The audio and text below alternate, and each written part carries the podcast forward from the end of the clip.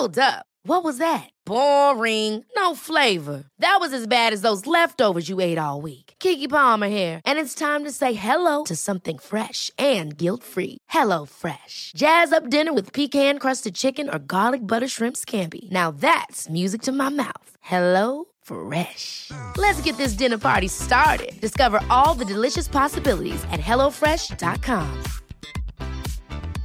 Hiring for your small business? If you're not looking for professionals on LinkedIn, you're looking in the wrong place. That's like looking for your car keys in a fish tank. LinkedIn helps you hire professionals you can't find anywhere else, even those who aren't actively searching for a new job but might be open to the perfect role. In a given month, over 70% of LinkedIn users don't even visit other leading job sites. So start looking in the right place. With LinkedIn, you can hire professionals like a professional. Post your free job on linkedin.com/people slash people today. One size fits all seems like a good idea for clothes until you try them on. Same goes for healthcare. That's why United Healthcare offers flexible, budget friendly coverage for medical, vision, dental, and more. Learn more at uh1.com. Jeg går jo fortsatt rundt og tenker hvordan i alle dager går det an å kjøpe seg en 200 grams melkeplatesjokolade? Ja, ja, ja. Og så tar man seg to-tre biter, og så lar man bare resten ligge i kjøleskapet i uke. Nope.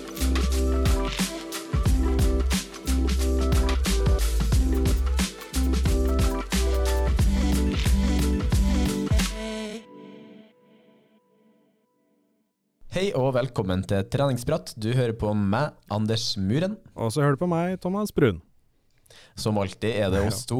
Eh, men vi skal jo change det opp litt eh, neste ukene, hvor vi får med mye flotte gjester. Så da skal dere få litt sånn eh, litt roligere peptalk med andre folk òg. Og det tror jeg blir veldig bra både for lyttere, for oss og for eh, egentlig alle sammen. Du, det blir veldig bra. Jeg gleder meg veldig til å få inn eh, litt gjester igjen. Det er alltid Mm. veldig gøy å få, få folk som har mye kunnskap, og folk som er inspirerende, og folk som eh, har mye å snakke om, og mye spørsmål vi har lov til å stille dem. Det syns jeg er gøy. Ja, jeg er helt enig. For det, det er jo sånn variert når, hvor mye gjester vi tar inn og vi får inn. Eh, men nå- har vi liksom sikra en del folk som har kommet seg ut av sesong, som har litt mer tid til eh, å ta en prat. Og så ikke minst så er det endelig at tidene passer for alle sammen. Da. Men eh, vi er jo ikke akkurat eh, umulig på å finne opp ting å prate om heller. Vi vet at vi har nok av tema å gå gjennom. Og i dag skal vi jo snakke om eh, noe som eh, interesserer meg veldig mye, da. Og det jeg tror egentlig interesserer deg òg veldig mye, for vi begge har jo vært gjennom det sjøl. vi skal jo snakke om livsstilsendringer versus quick fixes. For det her er jo et sånn fenomen jeg tror egentlig alle som lytter til podkasten her og tenker ok, jeg har vært gjennom begge deler. Kanskje man er gjennom en livsstilsendring nå. Kanskje man er gjennom en quick fix òg nå, faktisk. Eh, og jeg tenker jo liksom positivt er det uansett, for det, begge deler bidrar til at man kanskje kaster litt lys over en sunnere, sunnere og mer aktiv hverdag.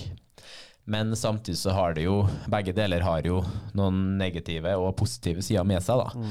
Sjøl om jeg vil si at livsstilsendringer egentlig ikke har så mye negative sider med seg, da. Nei, men den, eh, det er jo en sånn balanse der, tenker jeg, hvor du kan kjøre gjerne hardt på starten og gjøre en litt sånn eh, quick fix-versjon, og så etter hvert prøve å adaptere det, det til noe litt mer bærekraftig, da. Det er jo det som er Mm. mest vanlig, tenker jeg, i hvert fall i januar-februar-tiden, hvor man plutselig har veldig hastverk av å komme seg i form igjen. Ja. Og det er jo typiske nå er jo at veldig mange avventer veldig, da. Nå er vi liksom i Vi er på grensa til november. Vi er på en grensa til at man begynner å motiveres av at nyttårsforsettet står foran seg. Og vi prata jo om nyttårsforsett på podkasten i fjor. Var litt sånn ja, litt diverse om det. Og det er jo ingen tvil om at det å kanskje liksom se litt større perspektiver rundt det, da, og ikke bare tenke at ok, nå skal man gjøre det her fram til jul. For mange kanskje vil komme seg inn i en kjole, eller komme seg i litt bedre form til julefestene osv. Men hvis man klarer å flytte fokuset det fra at det både er noe mot det, men òg noe på lang sikt, så tror jeg man er på vei mot noe som er ekstremt bra. Da. Så det er jo litt det som er egentlig i hvert fall hovedmeldinga nå, da, hvis du er litt på tanken der nå at du skal komme deg i form mot et julebord eller mot julefestene, eller du skal ta en sånn rask kur på vei mot noe sånt, så tenker jeg prøv heller å se hvordan kan gjøre det her til noe større på sikt. da. For jeg syns det er ingenting feil med en sånn quick fix. For min egen del så um, Det er jo et litt sånn rart eksempel, men etter russetida mi i ja, mange herrens år siden nå, faktisk, da, Herregud, jeg begynner å bli gammel. Men ja. Eh, det er mange år, så jeg kan ikke huske på når det var engang. Men uh, da husker jeg at jeg, jeg, la på meg veldig mye russetida. Jeg gikk tilbake til veldig mye gamle, vonde vaner. Mm. Jeg var veldig inaktiv. Eh, det var mye fast food, og jeg bare ga egentlig veldig blaffen da, i trening og sånn for de, de 17 dagene der. Det tror jeg de fleste gjorde i russetida si. Ja, det, det, ikke tror jeg nok. Jeg tror nok det. Og så blir det litt sånn at for min del var jo ekstra motiverende, for jeg husker at jeg holdt på å trene meg opp til russetida, at her skal jeg bare gi litt blaffen. Så da, etter russetida, da, så ble jeg sånn ok, nå må jeg bare gjøre noe ok, nå raskt, gi meg 30 dager eller noe sånt, og komme meg i form igjen. Så det jeg kjørte på med, var lavkarbo, faktisk. Og tenkte ok, dette her er min type quick fix. Og jeg, jeg husker ikke konkret hvor mye jeg gikk ned i vekt og sånn, men jeg mista veldig mye kroppsvekt. Mm. Mista mye vannmasse, så klart. Uh, eh, mista veldig mye energi i kroppen òg. Uh, eh, for jeg brukte jo kroppen ekstremt mye og fylte ikke på som man burde gjøre. Men for meg så funka det i den kortsiktige fasen der, da. Og så begynte jeg jo ganske sakte, men sikkert å introdusere karbohydrater igjen. For jeg visste jo hvor nyttig det er å fylle på kroppen mat etter trening. I hvert fall når man skal bygge muskler, bygge prestasjoner, bygge en god utholdenhetsform, om prestasjoner generelt. da. Så det var liksom sånn, sakte, men sikkert, så begynte jeg å få inn de karbohydratene igjen. Og da så jeg jo at dette er jo faktisk en livsstil som jeg kan ha for å bli, men det hadde aldri vært den lavkarbofiksen kunne jeg vært da. Og det er veldig typisk, er det ikke det? Jo, det er jo det som er litt typisk, da. Og jeg tror egentlig kjernen i det for min del var jo den kunnskapen jeg hadde, at jeg tilegna meg masse kunnskap rundt både trening og ernæring i den alderen der. Og jeg skjønte at ok, hvis jeg bare går tilbake til gamle, vonde synder nå, som jeg gjorde i russetida f.eks., så hadde jo bare ting gått rett vest, for å være snill på ordene. Og samtidig da, så blir man jo i en sånn fase hvor man bare vaier fram og tilbake, da. Mm. Så jeg er veldig glad for at jeg var Sjøl om jeg var veldig ung da, var jeg såpass voksen i, i, min egen tilnærming til det at jeg forsto at her krever det at man har et forhold til all slags mat, og ikke bare eliminere noe. For for meg var i hvert fall det som noe som funka, da. Det kan jo være positive og negative sider, som du sier. Det at man har coaching da, f.eks. i seks uker for å komme seg litt i gang, men også at du trenger ikke å se på det som en deadline når de ukene er ferdig. Og det er det som jeg ser som kan være litt problemet med alle disse TV-programmene og seriene som folk lager med tanke på vektnedgang. Da. Jeg husker Will Smith lagde en sånn serie på YouTube hvor han liksom skulle gå ned 20 kilo på 20 uker eller noe sånt. Og han hadde den der deadline i hodet sitt hele tiden, så hvis han ikke gikk ned én uke, én kilo på én uke den ene uka, så var det liksom sånn Da han feilet, og da gikk det ikke bra, og da måtte vi bare pushe på enda hardere og sånt. Men Hvorfor man skal ha en sånn deadline, det skjønner jeg ikke, da. Men det kan være en fin sånn eh, oppvåkning, og litt sånn at OK, nå skal du kun fokusere på dette i en, lang, en kort periode, og så adapterer man seg til noe mer bærekraftig etter hvert, da. Men at du må tenke på at det er, det er, det som er målet. Det er ikke det at du etter disse Si du skal gå ned i seks uker, og så er du ferdig, på en måte. Og så skal du bare ja. tilbake til sånn som det var før. Mm. Det blir litt feil, da men at du tenker at du finner Går på en måte til det ekstreme, og så trapper ned til noe som er litt mer bærekraftig etter hvert, da. Mm. For det er jo akkurat det du sier der, er jo det at ja, den livsstilsendringa tar litt tid. Mm. Der, her er noe man må kanskje bare akseptere at det kommer til å ta noen måneder.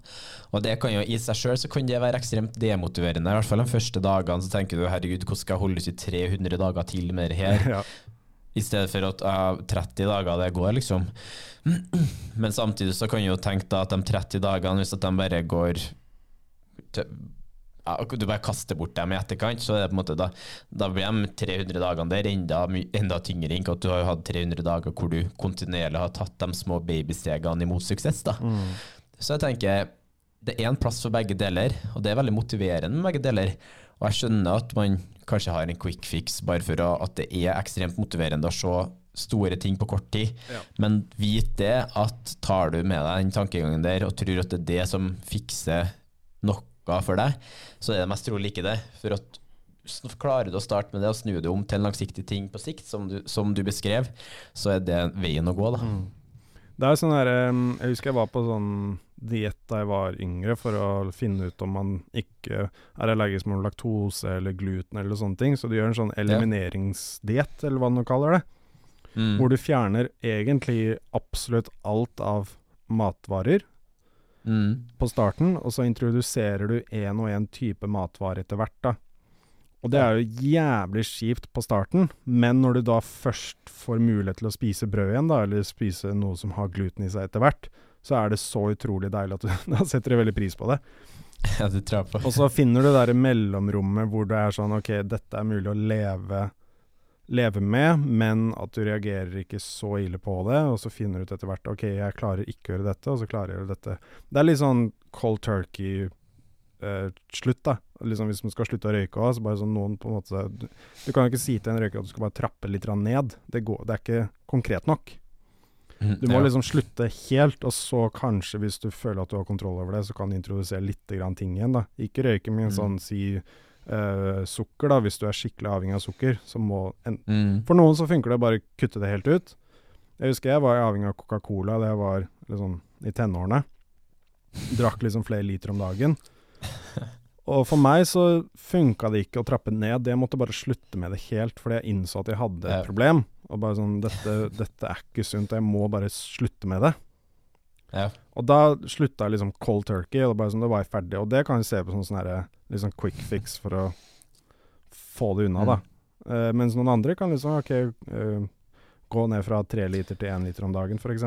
Eller gå over til Coca-Cola Zero, f.eks. Men for meg så funka Mm. ikke det. Jeg måtte bare slutte med det. Samme røyking også. Mm. Jeg røyka en periode. Jeg bare kunne ikke Jeg måtte bare slutte med det på dagen. Men det var jo akkurat samme for meg på den livsstilsendringa mi. Jeg ble jo sånn Uh, Jeg måtte jo kutte ut alt av godteri og sånn, for jeg kunne bare ikke ha litt av det. Nei. Jeg går jo fortsatt rundt og tenker hvordan i alle dager går det an å kjøpe seg en 200 grams melkeplatesjokolade? Ja, ja, ja. og så tar man seg to-tre biter, og så lar man bare resten ligge i kjøleskapet i uke. Nope, Det er sånn det går For, for min del er sånn Den melk din skal det egentlig helst bort den fem minutter etter du har åpna den. Ja, ja. Den, Det- når den er åpnet, så er den borte. Så, Ja. så spiser du til den er borte. Sånn er det bare. sånn jeg, jeg har vært sånn hele livet. Og det, det har enten vært det, eller så har det vært bare ikke ha det i det hele tatt. Mm. Men jeg har klart faktisk å moderere mod, eh, mørk sjokolade. Ja. Liksom mørk, veldig mørk sjokolade. Det har vært liksom gått bra, da. Så der har jeg funnet en sånn seiersgreie, men jeg har ikke klart det med Freia melkesjokolade og sånne ting. Det er bare Ja, nei, det er vanskelig. Mm. Men de er jo så store, de platene òg. Det er litt det som er, kan være litt av problemet òg. Så jeg kjøper Ja. jo de små noen ganger, eller sånn uh, smågodt, da. Pick and mix. Ja. Det funker jo bra, fordi da, da jeg, jeg har blitt flinkere nå til å rasjonere veldig. Men det er jo litt det samme, det at du kjøper masse smågodt, og så bare har du litt grann over helgen eller litt grann over uka. Det funker ikke for meg. Alt må forsvinne på kvelden. Du kjøper det. Ja, Hvis ikke går det jo lell. Hvis du kjøper på lørdagskveld, så er det igjen litt, da går det jo på søndagen uansett, Ja, ja, mest trolig. det det. Men det har allerede gått på lørdagen for min del, da. Det, det må sies. Mm. Med mindre sånne fæle ting som troika og sånn nedi, da. Men uh, nei da. Men det er jo sånn en annen del av quick fixes, da, som egentlig kanskje er den det vi fleste forbinder med quick fixes, da. Det er jo typisk sånn detox-opplegg og eh, kanskje diettpiller og sånn. Det er jo Mm. liksom den skumle, mørke sida av sosiale medier som markedsfører eh, sånne typiske mirakelløsninger, da. Um, det som skal, liksom skal funke, det her liksom, fat burners osv. Jeg syns vi i Norge har vært ekstremt flinke på å liksom, skyte ned på det, at det her er bullshit. Og jeg, jeg, jeg er fortsatt nå per dags dato så at jeg ser at et merke eller en brand som markedsfører fatburners, så blir jeg veldig sånn dere, Jeg klarer ikke å ta hele brandet her seriøst. da. Og Jeg håper, jeg tror at det er sånn for mange andre òg, men som vi har prata om i tidligere episoder, hvor eh, eh, sosiale medier sin dumme påvirkning på oss mennesker, så er det jo folk fortsatt som går og brander det, på grunn av at det er alltid en generasjon som kommer opp som ikke er like vitende om ulike ting. da. Så akkurat det her er jo direkte skadelig, kan det jo være, da. Hvis at man ja, Kanskje ikke er direkte skadelig, det er jo kanskje ulike funn på det.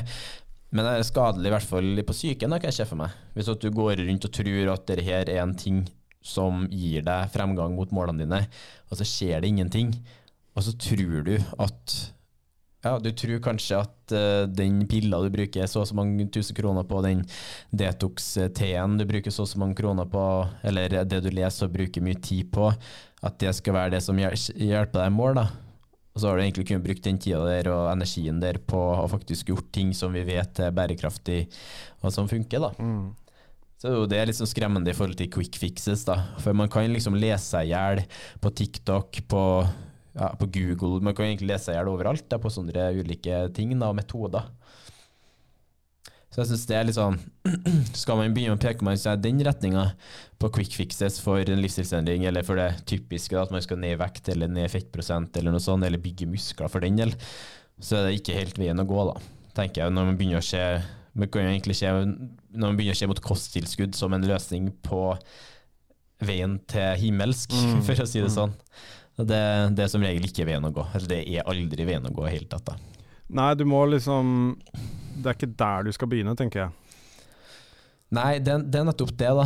For jeg tror det er det mange begynner, mm. på grunn av at det er den man blir solgt den drømmen av at her er veien til, eh, til målet ditt gjennom den lille pillen. Sånn, sånn får du gjort det. Mm. Du får gjort det gjennom den detox-kuren her, gjennom fatburners. Du får gjort det gjennom ditten og datten. Og jeg tror mange som lytter her òg, kanskje har jeg, har hvert fall, jeg, jeg kan rekke opp hånda og si vet du hva, jeg har kjøpt meg mange bokser fatburners når jeg var yngre, av at jeg trodde at det var det som gjorde at jeg mista det lille ekstra rundt magen. Mm. Men det var utrolig nok aldri det. Det eneste jeg mista, var et par tusen kroner i året på ja. å bruke penger på noe så tullete. Så, um, men jeg skjønner at man kan falle i den retninga, for man vil, ha den, man vil så gjerne ha den løsninga som er lettest mulig veien. Ja, du tenker at det er liksom bare å ta en pille istedenfor å eh, bytte om livsstilen din helt, da. Men at du mm. også på en måte jeg hadde jo den tankegangen før at ok, så lenge du tar kosttilskudd, så trenger du ikke være så, så liksom streng på kostholdet, da. Fordi du har kosttilskudd. Og hvis du får i deg vitaminer mm. og mineraler via kostholdet, nei, via kosttilskuddet, så, så, er det liksom ikke så farlig om du får det via kostholdet, da. Mm. Det, men det er jo det mange bruker det sånn Jeg mener i hvert fall det siste du skal være avhengig av for å få deg nok vitamin av de ulike vitaminene. Det siste skal være at du skal få igjen det via eh, tilskudd. Mm. Det burde være anbefalinger fra lege eller noen andre grunner til at du bruker de tilskuddene. Eh, en ting er med kreatin. Det er veldig vel dokumentert at det har ekstremt god effekt. En annen ting er jo med proteinpulver, som igjen er en ekstremt god kilde å ha tilgjengelig i en hverdag hvor, hvor, det kanskje er travelt, og hvor man kanskje vil ha litt variasjon på måltidene sine. Men nå snakker vi om typiske sånn um, Både sånn mange Jeg vet om mange som kjøper seg flust av jerntabletter, vitamin D, E, A, alt, alt det her for å liksom dekke det, men du kan kanskje egentlig dekke det på kosten, kosten din, hvis at du har litt mer fokus på kosten din. Mm.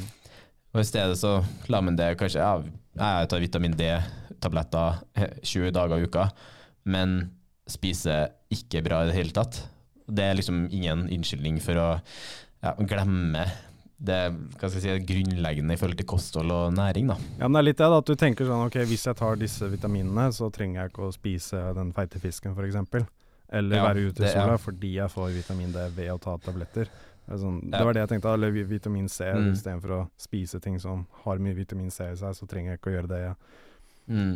Det er litt det, da. At det, det er en quick fix istedenfor å endre om kostholdet sitt litt. Da. Ja, og det, det, det, tror jeg er litt sånn Ja, jeg, min første tanke er litt, sånn, litt skremmende, da. Men jeg må jo si det igjen, så faller jeg meg tilbake at jeg har jo vært der sjøl før. Mm. jeg har jo vært der sjøl at jeg har, jeg har aldri vært perfekt på det sjøl, for at jeg har eh, sjøl tatt av hatt mye ulike vitamintilskuddløsninger tilgjengelig for meg, og latt det vært en unnskyldning for at da kan jeg spise veldig ensidig hele uka, mm. spise det lette, enkle og sånn, av at jeg har den omega-3-en, jeg har den vitamin D-en, jeg har den B12-en, jeg har alt det der. Men jeg har jo merka det nå, i hvert fall de siste årene, hvor jeg har vært så mye mer bevisst over den næringen og viktigheten den næringa har, da.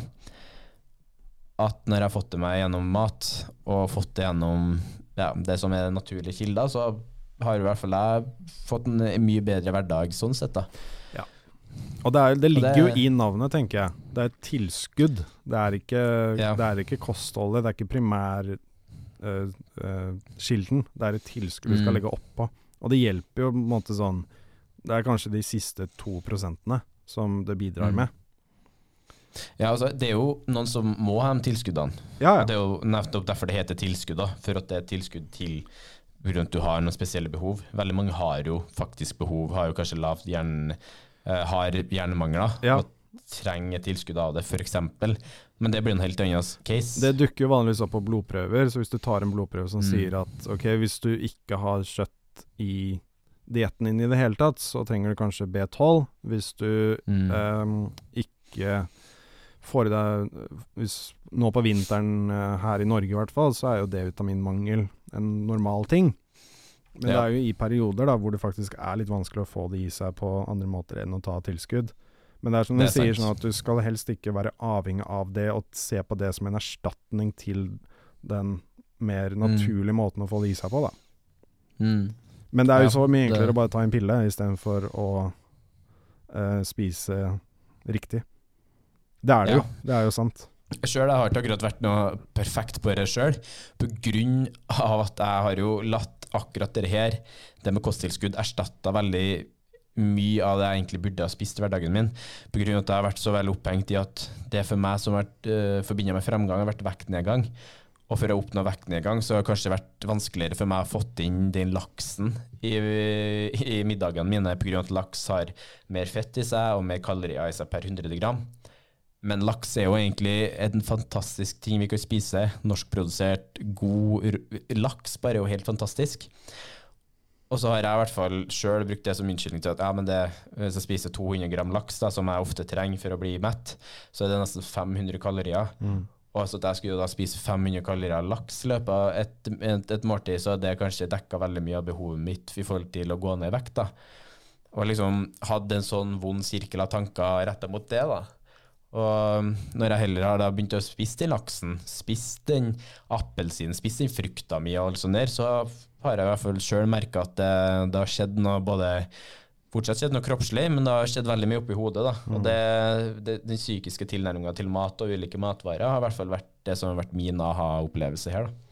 Ja, og da kommer du liksom inn på det med langsiktige, bærekraftige måten å leve på, da, istedenfor den der quick fixen. Det at uh, du føler deg bedre i løpet av dagen, og at det kanskje vil ta litt lengre tid å nå vektmålet ditt, da, men at du føler deg bedre mens du gjør det. Og da er du også villig til å holde på litt lenger, da, istedenfor bare å gjøre det et par uker og pine seg gjennom et par uker, men at du da finner en livsstil som du trives med, og finner den maten du trives med, og du føler deg bedre. Det er det som er hele poenget, er det ikke det? Jo, det er jo nettopp det. Og det er jo det som igjen fører oss tilbake til en annen, annen ting, da.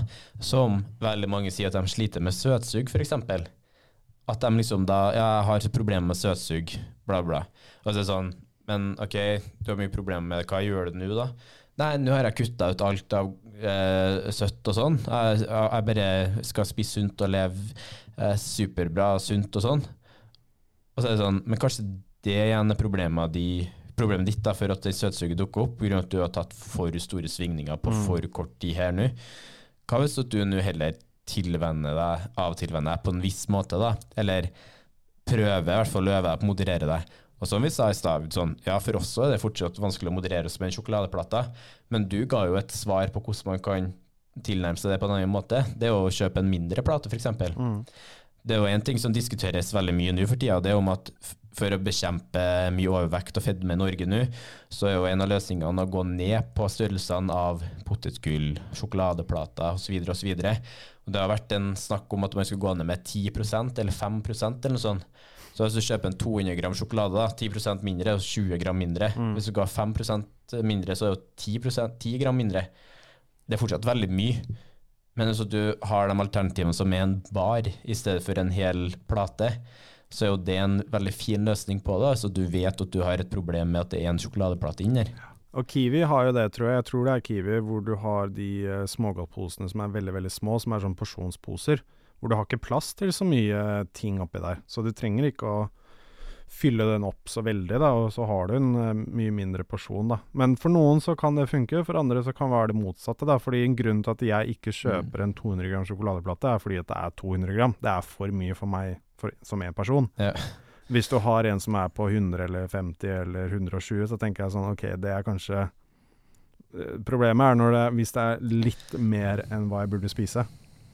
Og da Ja. kjøper jeg den oftere, på en måte. Uh, så, men, Mm. men det er liksom en sånn unnskyldning som jeg bare gir til meg selv til hvorfor det er greit at jeg kjøper den. Det er litt det, sånn, Jeg er veldig flink til å komme på unnskyldning til hvorfor jeg fortjener å ha mer sjokolade. Hvorfor jeg fortjener å, å kjøpe disse tingene som jeg veit ikke er bra for meg. Ja. Som jeg veit jeg reagerer Mm. negativt på. Så det er, det er vanskelig å finne på en måte den beste måten å gjøre det på, bortsett fra at du må liksom utvikle litt grann, eh, disiplin rundt det, da. Men det, det tar tid. Det tar tid? Mm. sånn, både du og jeg vi har levd denne livsstilen her ganske lenge, og vi sliter fortsatt med å liksom ha godteri og søtsaker i huset vårt. ja. Eh, og det er, det er vanskelig, men det er en prosess som du må bare akseptere kommer til å ta tid, da. Mm, ja. Og så er det jo noe med det at når vi snakker om det vi snakker om nå, da igjen, da, så er det jo mange Det er jo økonomi oppi det hele òg, da. Mange tenker jo en 200 grams til er mer Det er jo som regel billigere per kilosprisen å kjøpe det. Og så er det jo veldig ofte du har Ja, du, jeg tror jeg bare så eh, tre ulike butikker forrige uke hadde fem for 100 kroner Mm. på 200 gram sjokolade.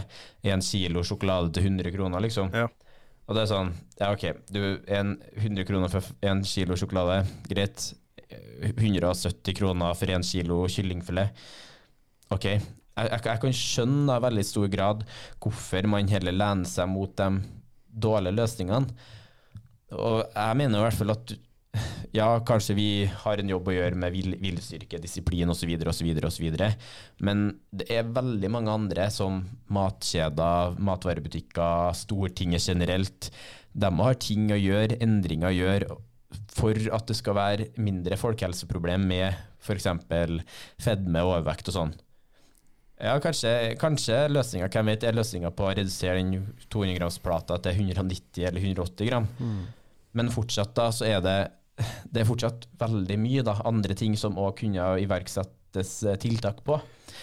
Men eh, det ser man jo at det ikke blir gjort, da. så da går man jo samme sirkelen der. da. En ting som jeg syns de burde endre på, i hvert fall i dagligvarebutikker, hvis man legger merke til det når jeg sier det nå, det er at eh, når du står i kø, eh, alt ved kassaområdet er søtsaker. Så du har snickersbarer, sjokoladebarer, du har eh, iskrem, du har alle disse tingene som står rett ved siden av deg mens du står i kø for å betale. Og det er liksom en sånn derre Da er det veldig enkelt å bare ta med seg en Snickersbaren eller en Twist-baren eller eh, whatever du har lyst til å spise. Fordi den bare står der, og den, den ligger foran ansiktet ditt og dingler i, i kanskje flere Ja. minutter mens du står i kø og venter. Mm. Da er det veldig, veldig enkelt å bare ta det med seg, da. Det er den sårbarheten, da. Da spiller jo så jævlig hardt på det. Og jeg syns jo så Så- synd på da foreldre som er med barna også, som står i kø, og de bare sånn Ja, men kan jeg ikke bare ta den nå, den er jo her, og hvorfor ikke, og begynner å mase på det. Og så akkurat der så er det sånn én ting som jeg har eh, lært som funker for meg, da, som funker for skjerpen også, det er at vi tar hjemlevering fra Oda eller Meny eller noe sånt. At liksom, vi kjøper kun det vi vet at vi trenger, og det, det vi faktisk skal ha til de middagene vi skal lage. Istedenfor at du går rundt i butikken og bare sier sånn OK, hva er det vi har lyst på akkurat nå? Og bare det å gå i en butikk mens du er sulten, f.eks., det er jo det verste du kan gjøre for mange. Ja. Å gå da inn i en butikk med sultne barn også, jeg kan se for meg at det er enormt uh, provoserende når de da legger frem alt dette godteriet og sånt rett ved der du skal betale, mens du står i kø og venter. Så er det rett foran ansiktet Mm. ditt. Og så at du har de colaene, alt sånne ting, da, står Ja. bare. Så det, ja, da, da er det sånn at det er en test til viljestyrken din. De tester deg. Mm. Men de provoserer det også litt. Grann. Det at liksom du prøver å Mm. gjøre det beste du kan, og alt, du gjør det veldig, veldig bra, og så skal du inn dit og så kjøpe noe sunt noe. Og så Mm. står du og venter, og så er liksom den, der, den eh, Snickersbaren rett foran deg. Så tenker du sånn ah. Jeg kommer liksom gjennom hele det- butikken uten å gjøre det, og så er den liksom rett på kassa. Så bare sånn, ok, er det noe mer du skal ha? Så er det sånn, okay, ja. Ja. Og det verste der er at du nettopp Da har du sikkert gått gjennom hele butikken, så å si, og hadde du har vunnet kampen fem ganger. Du har skåra fem mål, liksom, og bare Shit, nå jeg får det til. Og så kommer du det til kassa der, og så står de der og bare Ok, bøtter inn seks mål på overtid, liksom. Ja. Det er jo det som er problemet med det. Og så er det jo bare veldig Det er sånn å si, det, det, det er bare sånn Det viser jo litt tankegangen til kjedene òg. De vet jo å spille på sårbarheter. Og vi er jo ekstremt mange ja, vi er mange mennesker her i verden som, eller her i Norge i hvert fall, da, som har ulike forhold til det å gå på butikken og ta med seg noe, og ha med seg noe søtsaker og sånn, og kanskje da. Og så i hvert fall fra når, vi- når jeg var yngre, så var jeg jo veldig og at jeg skulle kjøpe med den godisen og sånn. Så jeg gleda meg alltid til at jeg ble eldre, så at jeg kunne styre det sjøl. Oh, ja. Så jeg kunne kjøpe med meg akkurat hva jeg sjøl ville. Og det er jo noe man alltid har med seg bak her, her en plass bak i hjerneparken der, og tenker over at ja, man fortjener jo kanskje da, det har kanskje har vært en ekstra lang dag på jobb, kanskje man hadde en kjempegod treningsøkt og tenker ja, ja, men den snickersen er jo i hvert fall fortjent da. Så det er liksom sånne ting da, som bare, ja, nei, det, det er fort gjort å bare falle for den, den delen. Jeg kan forstå det så godt, og jeg, jeg har vært der selv flere ganger på akkurat den fronten der. Ja, ja. Og det er en evig kamp som dessverre ikke forsvinner for de fleste av oss. Det er noen som klarer å gjøre det, men det er også da som det kan være litt fint i, i perioder, tenker jeg, å ha sånn absolutt nei-mat. Som de sier sånn vet du hva, dette skal akkurat nå i denne perioden så skal jeg ikke gjøre det. Og etter hvert så blir det enklere. Du tenker mindre og mindre på det, men det er en prosess som du må gå igjennom. Og for noen så kan det funke på starten å ha et absolutt nei-kategori. Bare sånn herre OK, hvis din verste fiende er Smash, da, for eksempel, som jeg elsker, jeg syns det er så godt. Og under pandemien, for eksempel, på starten, så var det liksom Smash som var det jeg hadde nesten hver kveld. Det og sjokoladeplater og alt mulig rart, fordi liksom Det var så mye som skjedde at det var trøsten, da. Det var på en måte kosen som eh, fikk meg gjennom eh, eh, Ja, i hvert fall på starten, da når alt var stengt. Og da måtte jeg liksom si sånn, vet du hva, nå er Smash på eh, nei-mat-kategorien. Dette er mat jeg, jeg kan ikke ha det i huset, fordi det er en pose er på sånn 1000 kalorier eller noe sånt. Det er enormt mye. Og posen forsvinner hver kveld. Det går en pose hver dag. Så for meg så går ikke dette opp. Bare sånn, det, det, det her kan jeg ikke ha i huset. Dette er ikke lov å ta med inn i leiligheten min. Så, så streng må, det, må jeg være på det. Og så etter hvert så kommer det liksom en periode hvor du kan spise lite grann hvis det er på bordet på en eller annen fest eller noen sånne ting, eller en eller annen sammenheng, så kan du ha lite grann. Men det er ikke sånn at hele skålen forsvinner, da. Men det, tar det tok lang tid. Det gjør det, dessverre. Det er jævlig kjedelig. Men eh, det hjelper noen ganger å ha en sånn nei-periode da, i, i seks-sju uker. Fordi da, det, det tar jo en stund før vanene dine forandrer seg. Før liksom alt dette går inn i systemet ditt, og du ender opp med å glemme litt grann at du var avhengig av Smash, da, sånn som jeg var. Og så merker du da at Men shit, jeg klarer å overleve uten det. Ja. Du klarer jo Det er jo et liv uten det òg. Og jeg vet i hvert fall med meg sjøl, med de tingene jeg hadde sånn nei-forhold til, på samme måte som deg, at det smaker så mye bedre igjen da når man begynner å innføre det, og gjør det med måte. Mm. Det er jo mye bedre de settingene igjen da. Så man gjør seg bare sjøl en enorm tjeneste, da. Absolutt. Men ja, som sagt, det tar tid. Men uh, det er noen ganger det kan lønne seg bare gjøre et hardt nei på det på starten, og så kanskje prøve å introdusere det litt etter hvert, da. Og det blir jo en fin sånn quick fix inn i en livsstilsendring, faktisk, på det eksempelet her. Og det er jo det på en måte er hovedkjernen med egentlig episoden her. At vi Ja, en quick fix, det, det har sin plass i ulike ting, det òg. I hvert fall hvis du klarer å innføre det til en viss grad igjen etter hvert, da, som f.eks. med det her. Kanskje man klarer å finne en løsning på det som gjør at okay, det går både å nå målene sine som man har satt seg, uansett hva det er, men samtidig så kan du tilføre de tingene som ja, kanskje er ulike kryptonite da, til, det, til den livsstilsendringa, f.eks., eller målsetningene. Men du klarer å tilføre litt av det, litt av svakhetene, og tilføre det er en ekstremt god mestring òg. For da er det er noe som er verdt å lære bort videre. Det er veldig inspirerende å høre på, syns jeg. da. Um, jeg husker farmora mi, hun har jo røyka hele sitt liv. Mm. Og så ja, nå når hun er i 70-årsalderen, så klarte hun å slutte. Og det var ei dame som ja, hun er ekstremt var veldig mye røykt, i hvert fall. Og det var veldig inspirerende, syns jeg. Jeg tenkte sånn, Hvis du klarte å slutte å røyke, da skal jeg bedre meg klare å løpe eller gjøre den treningsøkta, eller da skal jeg klare å gjøre å minske inntaket mitt av Pepsi Max, mm, eller ja, litt sånne ting. da. Så det er litt sånn veldig inspirerende å høre, syns jeg, i hvert fall, for man vet at en person har store svakheter mot den ting. da. Så. Og det, ja, det, det, er som du sier, det gir deg den enorme mestringsfølelsen. da. Hvis jeg tenker sånn, hvis jeg klarer å kutte dette, hva annet er det jeg klarer å gjøre? Og det, det begynner der, da. Og det kan, begynne, det kan være så lite som at du klarer å slutte med å drikke Coca-Cola med sukker, da. Og, og, gå ned til Cola Zero, f.eks. Eller trappe ned på det, eller trappe ned på sjokoladeinntaket. Og hvis du føler at du klarer å mestre det, så er du, da er du i gang. Mm. Og på starten, på starten så kan det være for noen nyttig å gjøre en sånn hard cut hvor de bare slutter det helt ut. Og så etter hvert kanskje introdusere litt og gjøre det litt mer bærekraftig. Og ta det litt derifra, da. Men at det er en sånn quick fix på starten som får liksom sånn kickstarte prosjektet litt. Da. Og så etter hvert liksom finne noe som er mer bærekraftig. Jeg syns det er fin, et fint uh, format. Da. Og da kan vi jo vi, vi, Neste uke så skal jo du reise til uh, Trondheim. Yep. Skal du. Og da skal vi ha en eh, Det blir i hvert fall en liten kickstart for meg, siden at nå starter jeg på vei mot et nytt mål, siden konkurransen eh, ikke ble, og jeg er i sesongavslutningsfase. Så skal jo vi kjøre noen løpetester skal vi gjøre. Og jeg gleder meg ekstremt til det, for at det gir jo på en måte en kickstart igjen. da, få, Du får bare servert litt mye tall i, rett foran deg, og du, konkrete tall som der er nivået ditt nå. Mm -hmm.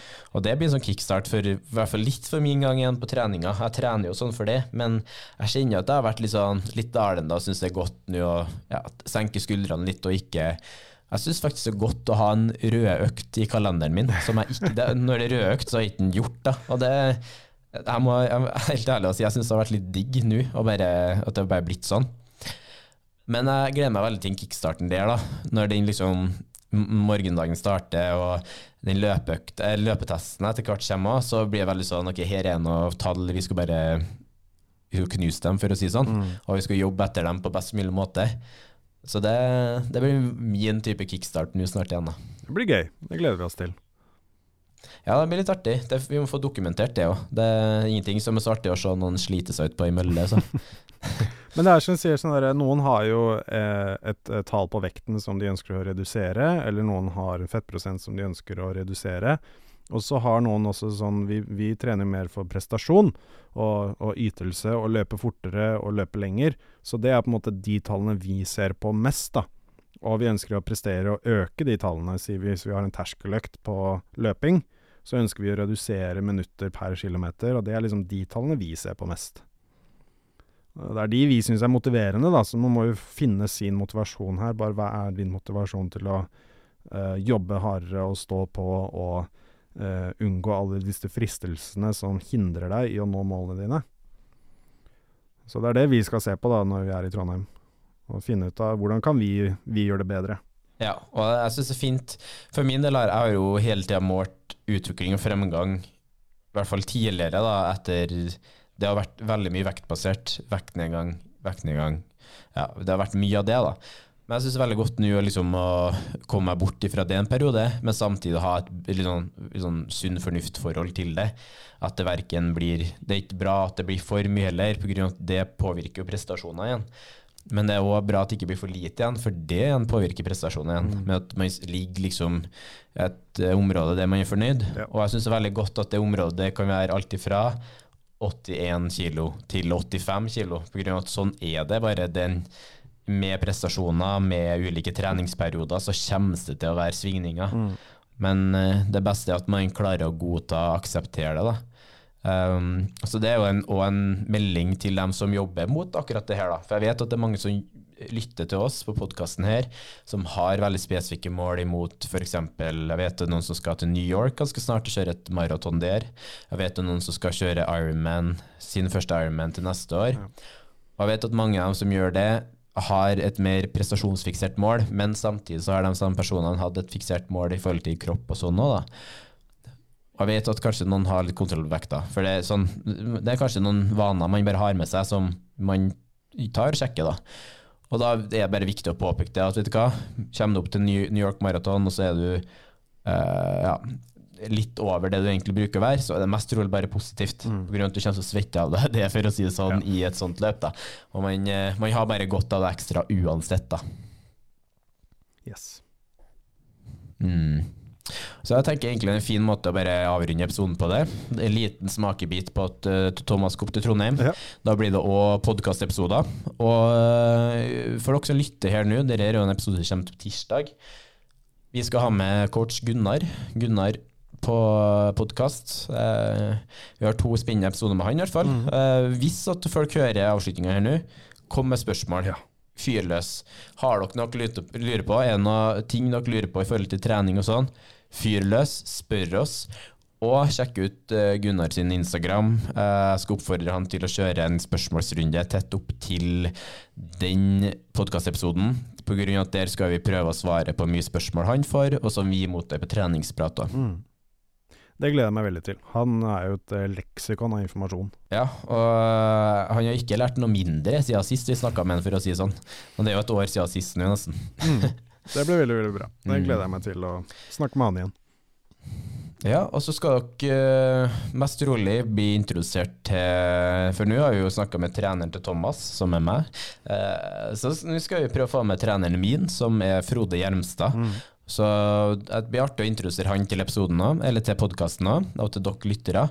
Og ja, bare hør coach og atlet prater litt sammen dere. Og så har Thomas utenfor som har mye gode refleksjoner og innspill å komme sjøl òg, mm. Så jeg tror det blir en god trio.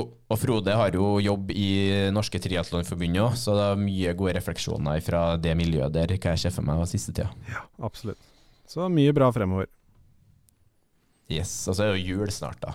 Det blir bra. Å, det gleder jeg Ja, ja, men tusen takk for at dere lytta til igjen. Um, håper dere har fått uh, noen gode budskap fra dagens episode. Uh, hvis ikke, hvis det har vært dårlig budskap, si ifra. Kritikk tar vi òg gjerne. Mm. Vi lærer av det. Så håper jeg at alle får en fin uke videre og har en god treningsøkt snart. For jeg vet det er mange som hører på oss i forbindelse med trening eller i forkant av trening. Ja, mens de er på tredemølla og sånt. Det er veldig gøy. Ja, det, det liker vi. Det er kjempebra. Stå på alle sammen. Yes. Ha det bra. Ha det bra.